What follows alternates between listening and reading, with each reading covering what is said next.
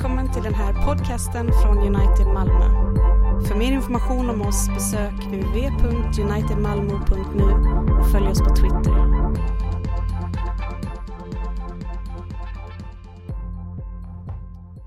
Låt oss förbli stående medan vi läser dagens predikotext.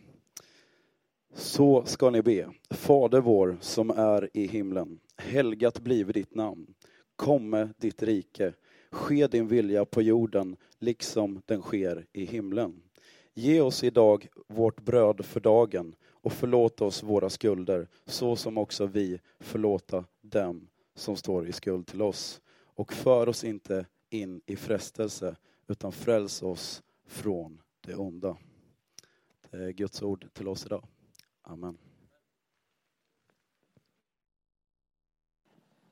Hallå.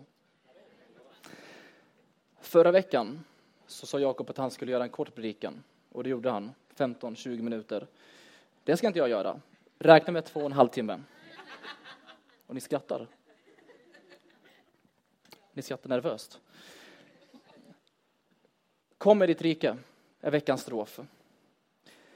Det är den här bönen vi går igenom den här sommaren. Bönen som Jesus lärde sina lärjungar att be.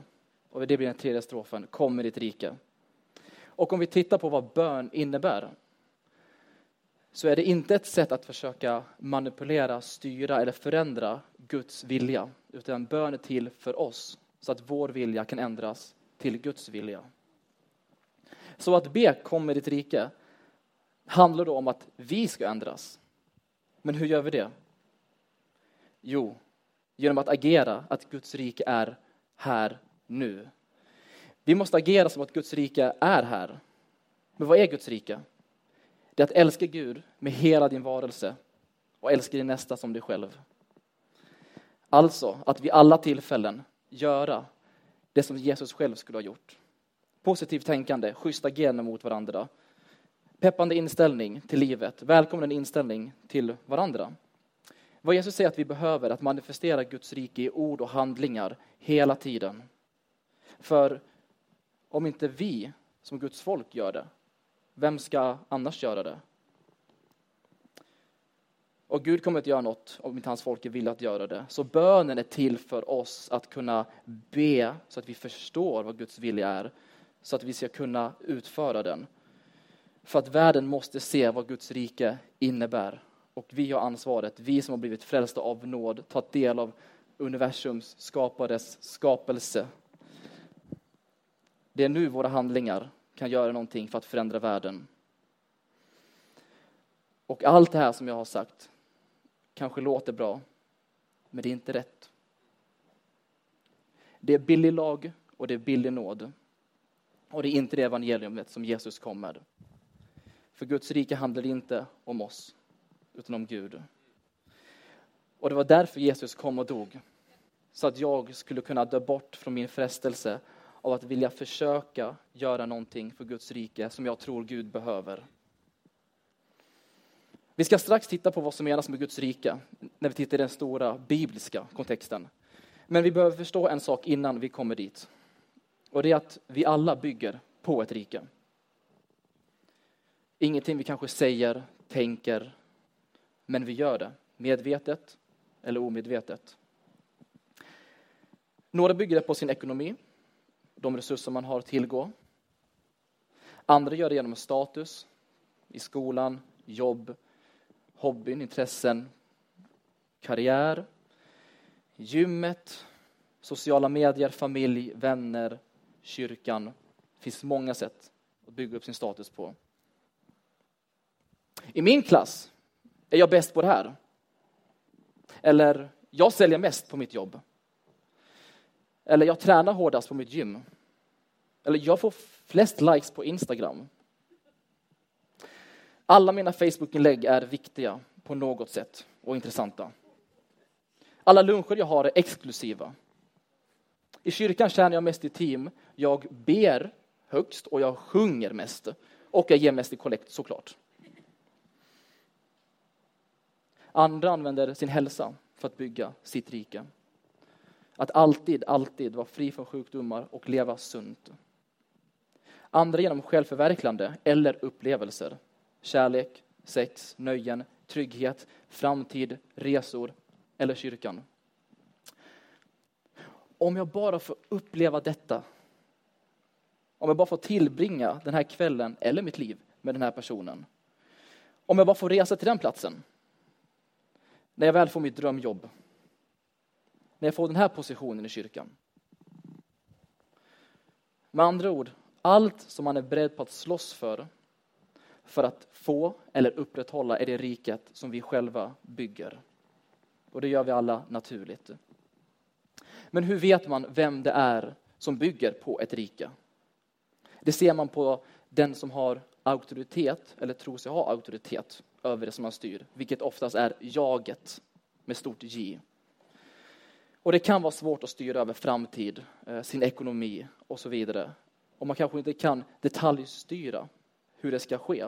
Men man kan se till så att allt som händer gynnar och betjänar endast mig. Och får mig att känna mig bra. Sakerna jag har här är till för att betjäna mig och inte någon annan. Och om det skulle betjäna någon annan så vill jag gärna ha cred för det. Ni vet, mina vänner är inte bekymrade över mitt Instagramkonto. De är fullt upptagna med sina egna. Men jag kan se till att jag tar den bästa bilden av alla 250 jag tog, använder det bästa filtret som passar in, har en smart text och några fyndiga hashtags, ni som känner mig vet vad jag pratar om, för att få det att se bra ut. Sanningen är att ingen tänker på dessa saker. Och om vi ska vara helt ärliga så spenderar jag mest tid av att analysera mina Instagram-bilder mer än vad ni gör. Och ni tänker säkert när ni ser dem, oh, eller kul, eller okej. Okay. Och jag lägger ner så mycket tid på det för att bygga någonting, för att ni sen ska gå vidare med era liv och ha glömt bort den konserten jag var på, eller den lekplatsen jag lekte på, eller de böckerna jag har läst, eller halvt läst. Men är dessa saker fel? De som vi pratar om, resor, drömmar, familj, ekonomi. Är det en synd? Kan vi kategorisera det som synd? Nej, det kan vi inte. För Gud har skapat dessa saker för att vi ska bruka det. Vårt problem är att vi missbrukar det. För att vi vill tjäna mig, mitt och mina. Istället för Gud, Fadern, Sonen och den heliga Anden. Problemet med våra riken är att de kommer en dag falla sönder, spricka, förstöras eller på något sätt dö. För att allting som vi bygger på är skapat. Allt som är skapat kommer en dag gå sönder, försvinna, spricka eller dö. Vi bygger på förgängliga riken. Och vi har ett par män, mäktiga män i historien, som har försökt bygga imperium och ett namn för sig själva. Och det har inte kommit så långt. Så vad är det vi håller på med egentligen? Men i den här historien så finns det ett rike som aldrig kan förstöras, som har funnits sedan innan evighet och kommer räcka till evighet. Och det är ju Guds rike. Ett rike som styrs av någon som inte är skapad, vilket gör honom, alltså Gud, odödlig. Så för att kunna skaka om Guds rike så måste vi kunna skaka om Gud. Men om vi ska skaka om Gud så måste vi också vara oskapade. För han är designen bakom allting.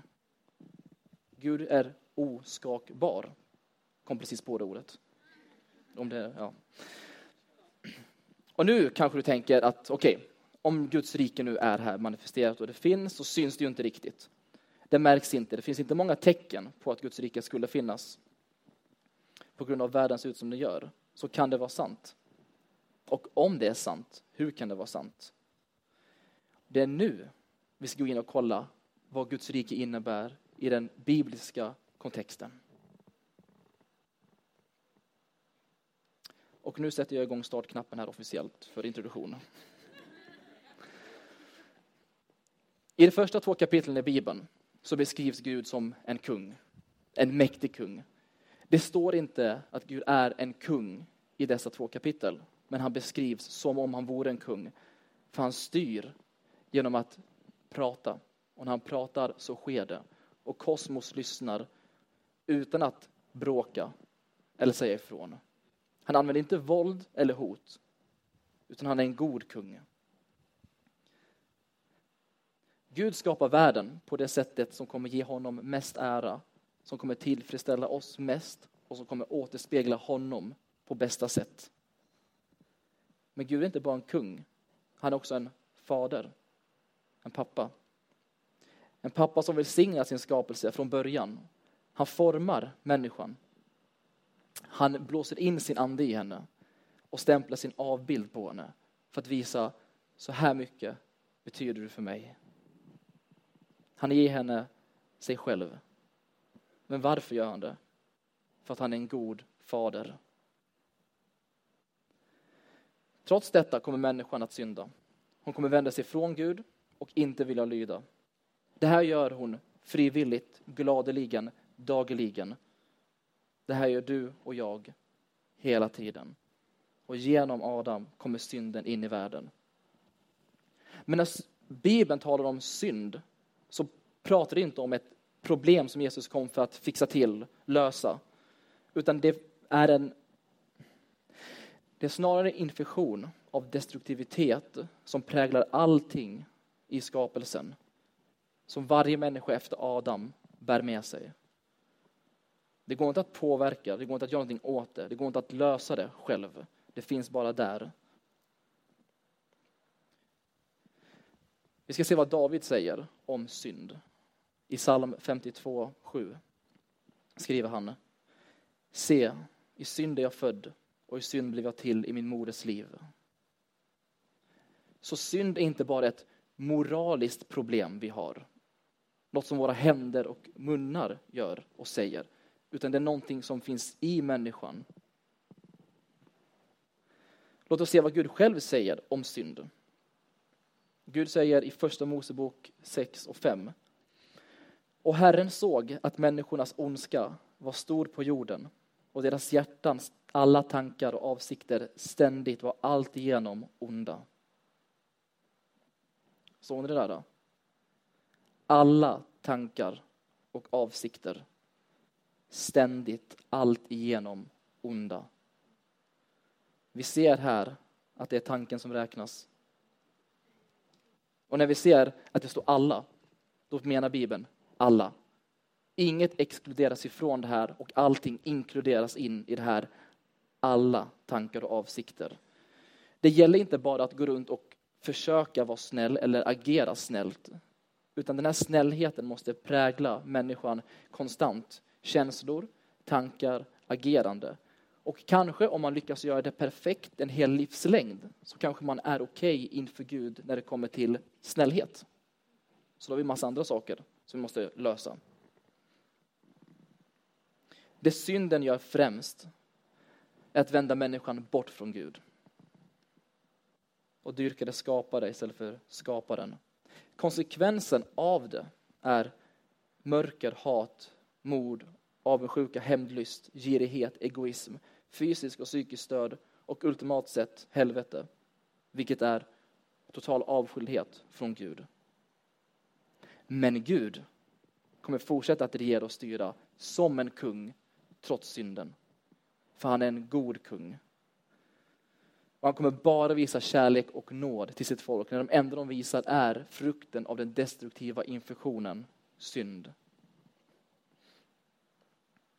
Och bara för att titta lite närmare på synd, för det här är så viktigt att förstå,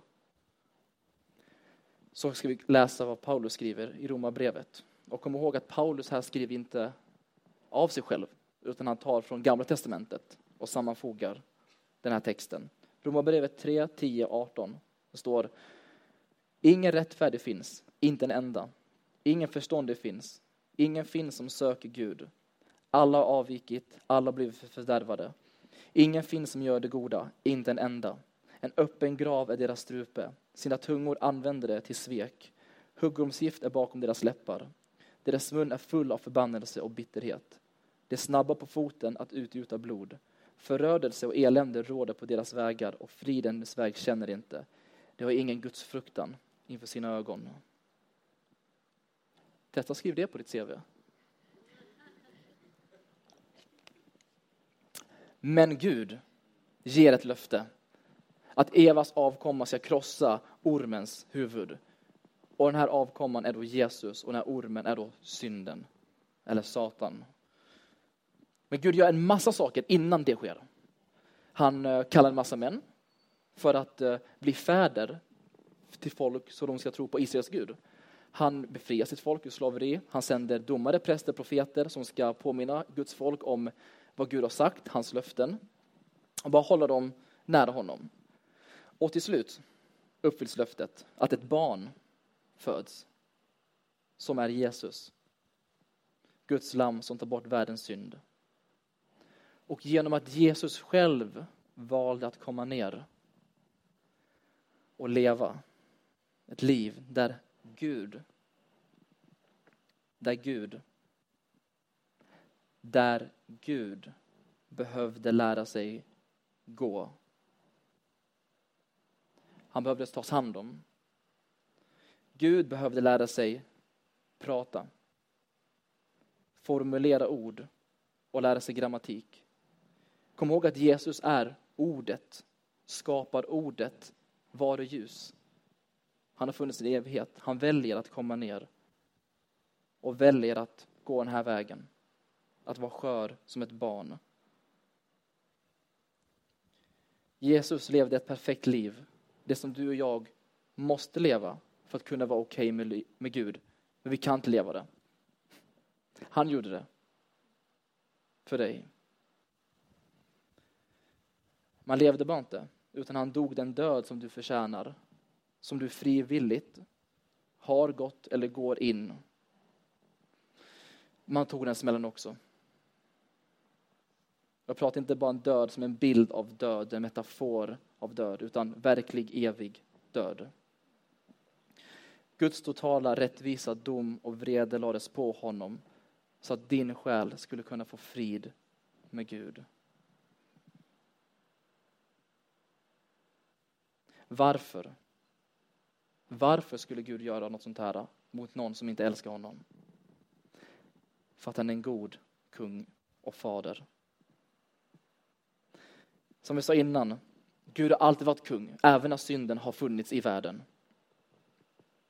Det som hände när Jesus dog och uppstod var att Gud sa till sitt folk, apostlarna och de som, de som följde dem. Nu är slaget vunnet.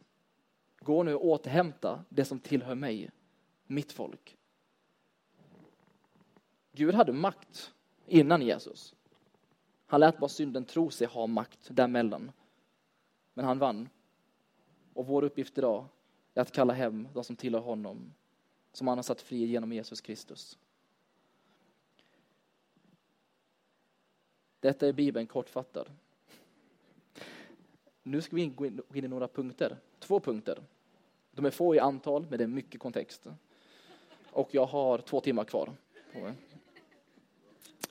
Första punkten kan vara den mest spretiga av punkterna. Eh, så häng med. Jag har gjort en jättepedagogisk powerpoint efteråt som ni kommer kunna se och hänga med och förstå allting på. Så det är ingen fara, det kommer vara logiskt. Tro mig. Hur kan vi se det här riket? Punkt 1.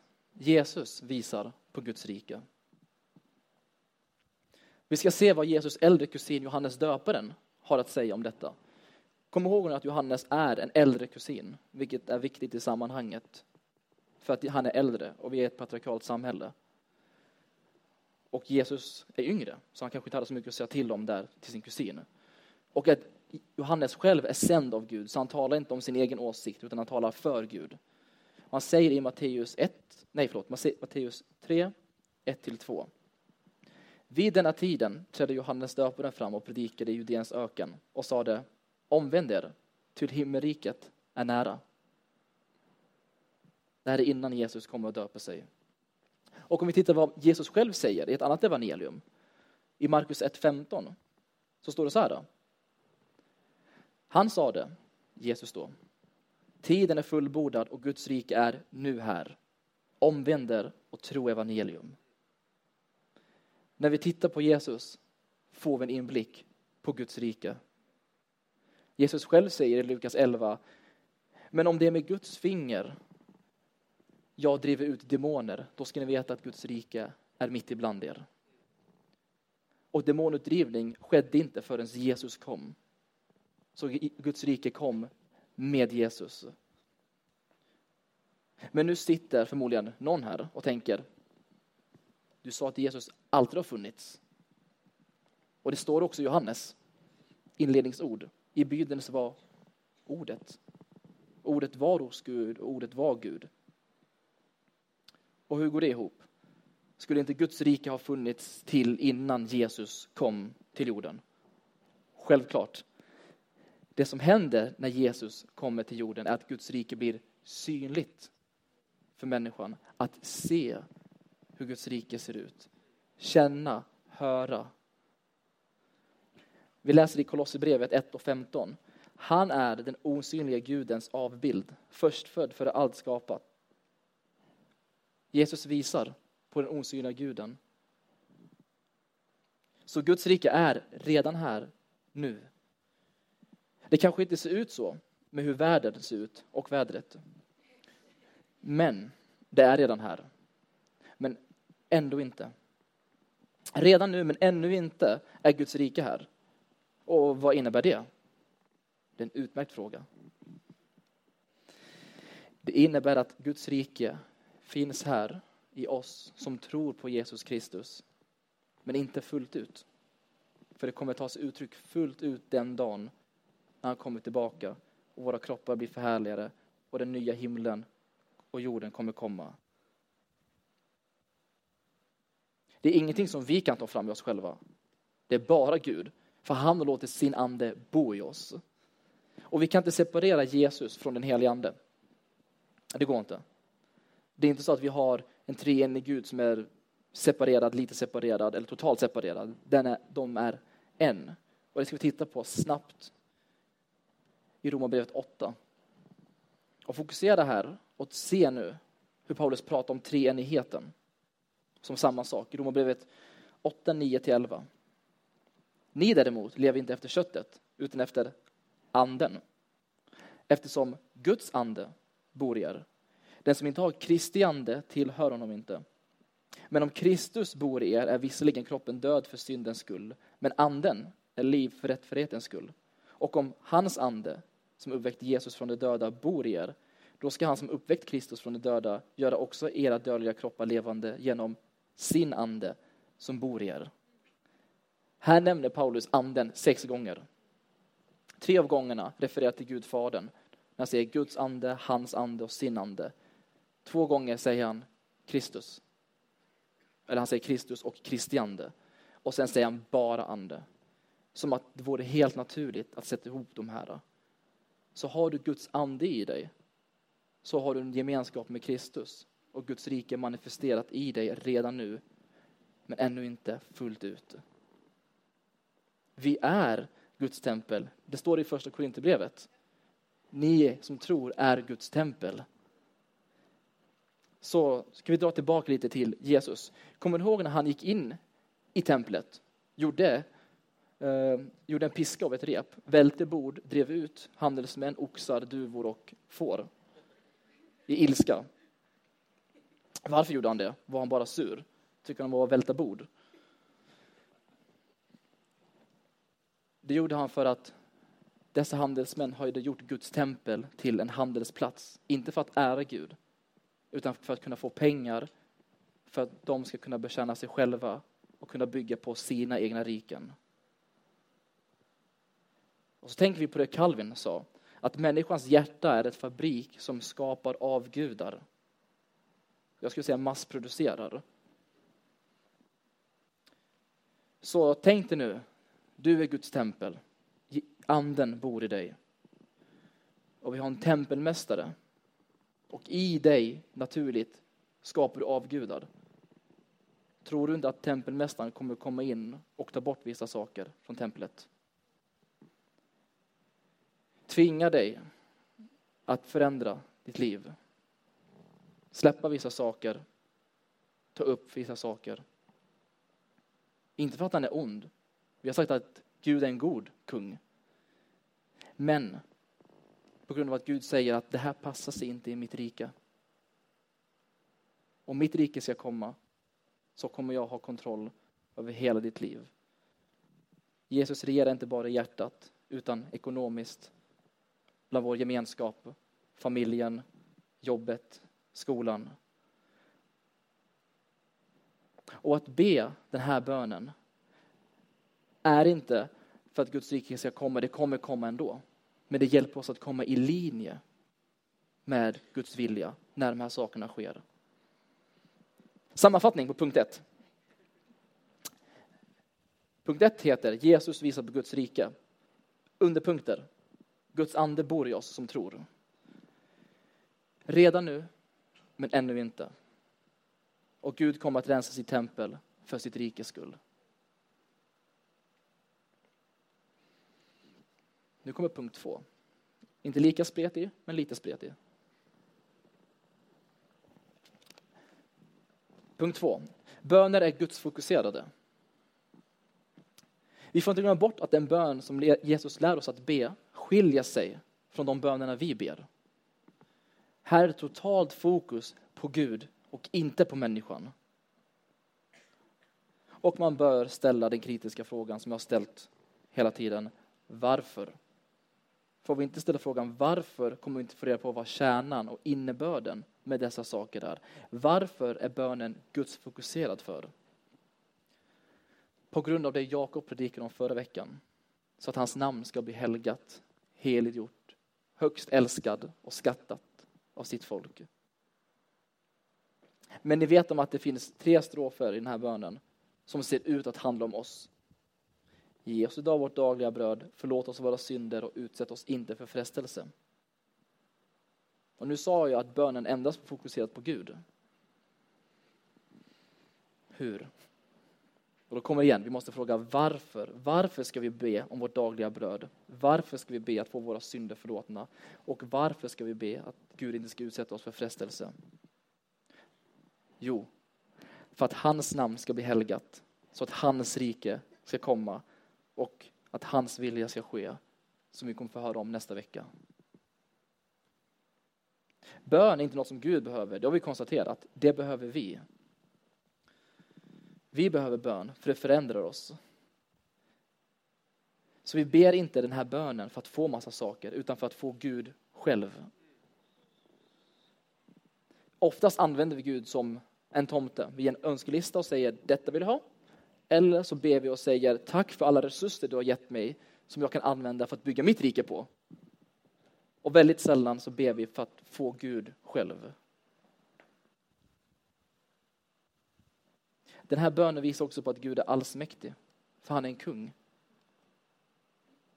Ditt rike, det är någon som regerar. Och när vi tänker kung kanske vi tänker på monarkin i Sverige, där kungen inte besitter någon makt. Men Gud är inte en sån kung. Jesus sa själv, all makt har givits mig på himlen och på jorden. Men vi tror inte att Gud är allsmäktig. Teoretiskt kan vi tro det. Vi kan förstå det, kanske. Men funktionellt och praktiskt tror vi inte det. Vi ber inte böner som om Gud är allsmäktig. Eller kapabel till att utföra saker. Vi håller oss på mänskliga mått och standard när vi ber. Men han har skapat allting. Ingenting är omöjligt för honom. På grund av att han är allsmäktig borde vi kunna be böner som är helt absurda och låter omöjliga. För han är god och allsmäktig. Ingenting är för svårt för honom. Och oftast är vår standard här på böner. Och Gud säger, nej, jag tänker mer här, i evighetsperspektivet. Vi tänker för lite om Gud. Och vi tror inte att Gud kan göra det han har lovat att göra.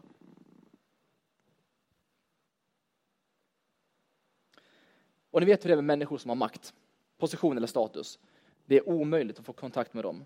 Försök boka in ett fika eller möte med statsministern, kungen eller någon annan, en artist, kändis. Och det kommer förmodligen inte gå så bra om ni inte har kontakter såklart. Men ju mer makt och position, desto svårare blir det att få tag på någon. Och den här bönen visar vår position som Guds barn inför honom. Att han alltid är tillgänglig.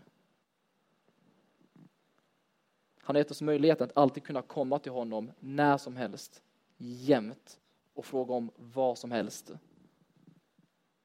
Och detta är genom bön. Han som har koll på varenda fågel som faller ner, tror inte han skulle ha tid med att höra dina böner, rädslor, känslor, glädjen. Det står i Hebreerbrevet 4, 15-16. Ty vi har ej en överstepräst som ej kan ha medlidande med våra svagheter, utan en som blev frestad, allt liksom vi, men utan synd. Låt oss därför frimodigt gå fram till nådens tron. Och när vi gör det, går frimodigt fram till nådens tron, så gör vi det i tanken av Gud, låt ditt rike komma. Låt din vilja ske. Låt ditt namn bli helgat. För när Gud då säger, svarar ja, nej eller vänta, så kan vi vara helt okej okay med att Gud säger nej eller vänta. För att vi vet att hans vilja kommer ske, hans rike kommer komma och hans namn kommer bli helgat. Men kommer vi in frimodigt med tanken av Gud, låt mitt namn bli helgat, låt mitt rike komma och låt min vilja ske, så kommer det krossa dig och leder dig till ditt fördärv. Sammanfattning av punkt två. Bön är gudsfokuserat. Gud behöver inte bön, men vi behöver bön. Gud är alltid tillgänglig för sina barn när de behöver det. Och Gud är helig och kärleksfull. Och nu i detta sammanhanget när man pratar om bön och allsmakt så brukar frågan ställas varför be om Gud är allsmäktig för? För att det inte handlar om att få och be om massa saker.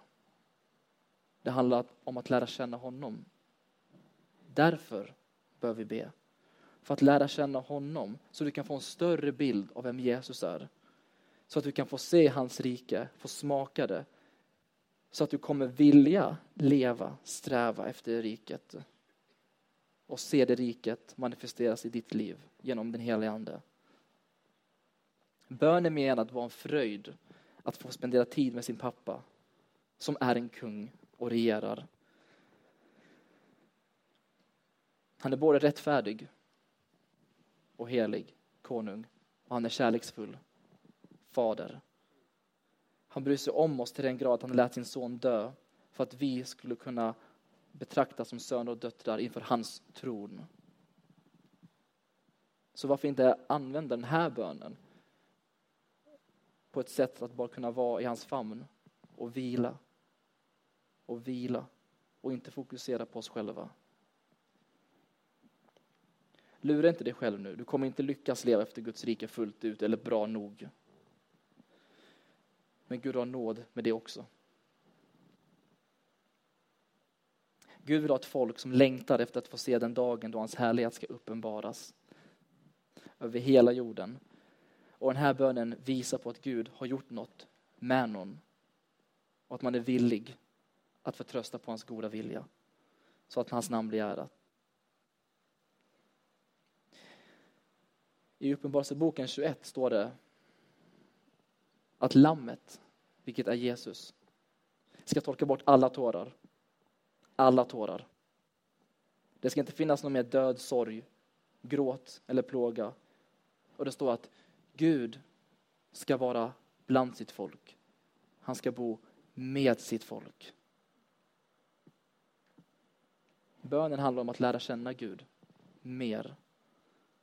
Det är en intim sida som Jesus ger oss när han visar på Herrens bön. Så att be, kommer ditt rike. Då ber vi efter frälsning. Gud fräls mig. Gud hela mig. Gud rädda mig. Gud ta hand om mig. Så det är det hans rike handlar om. Hans godhet, hans ära. Och när vi ber, kommer ditt rike, så ber vi Gud, fräls världen. Hela världen. Rädda världen. Omslut världen. Det är det vi ber efter. Att hans rike som är perfekt ska manifesteras i oss. Bit för bit, dag för dag. Redan nu, ännu inte fullt ut. Men fullt ut den dagen när vi väl kommer hem och är med honom. Amen.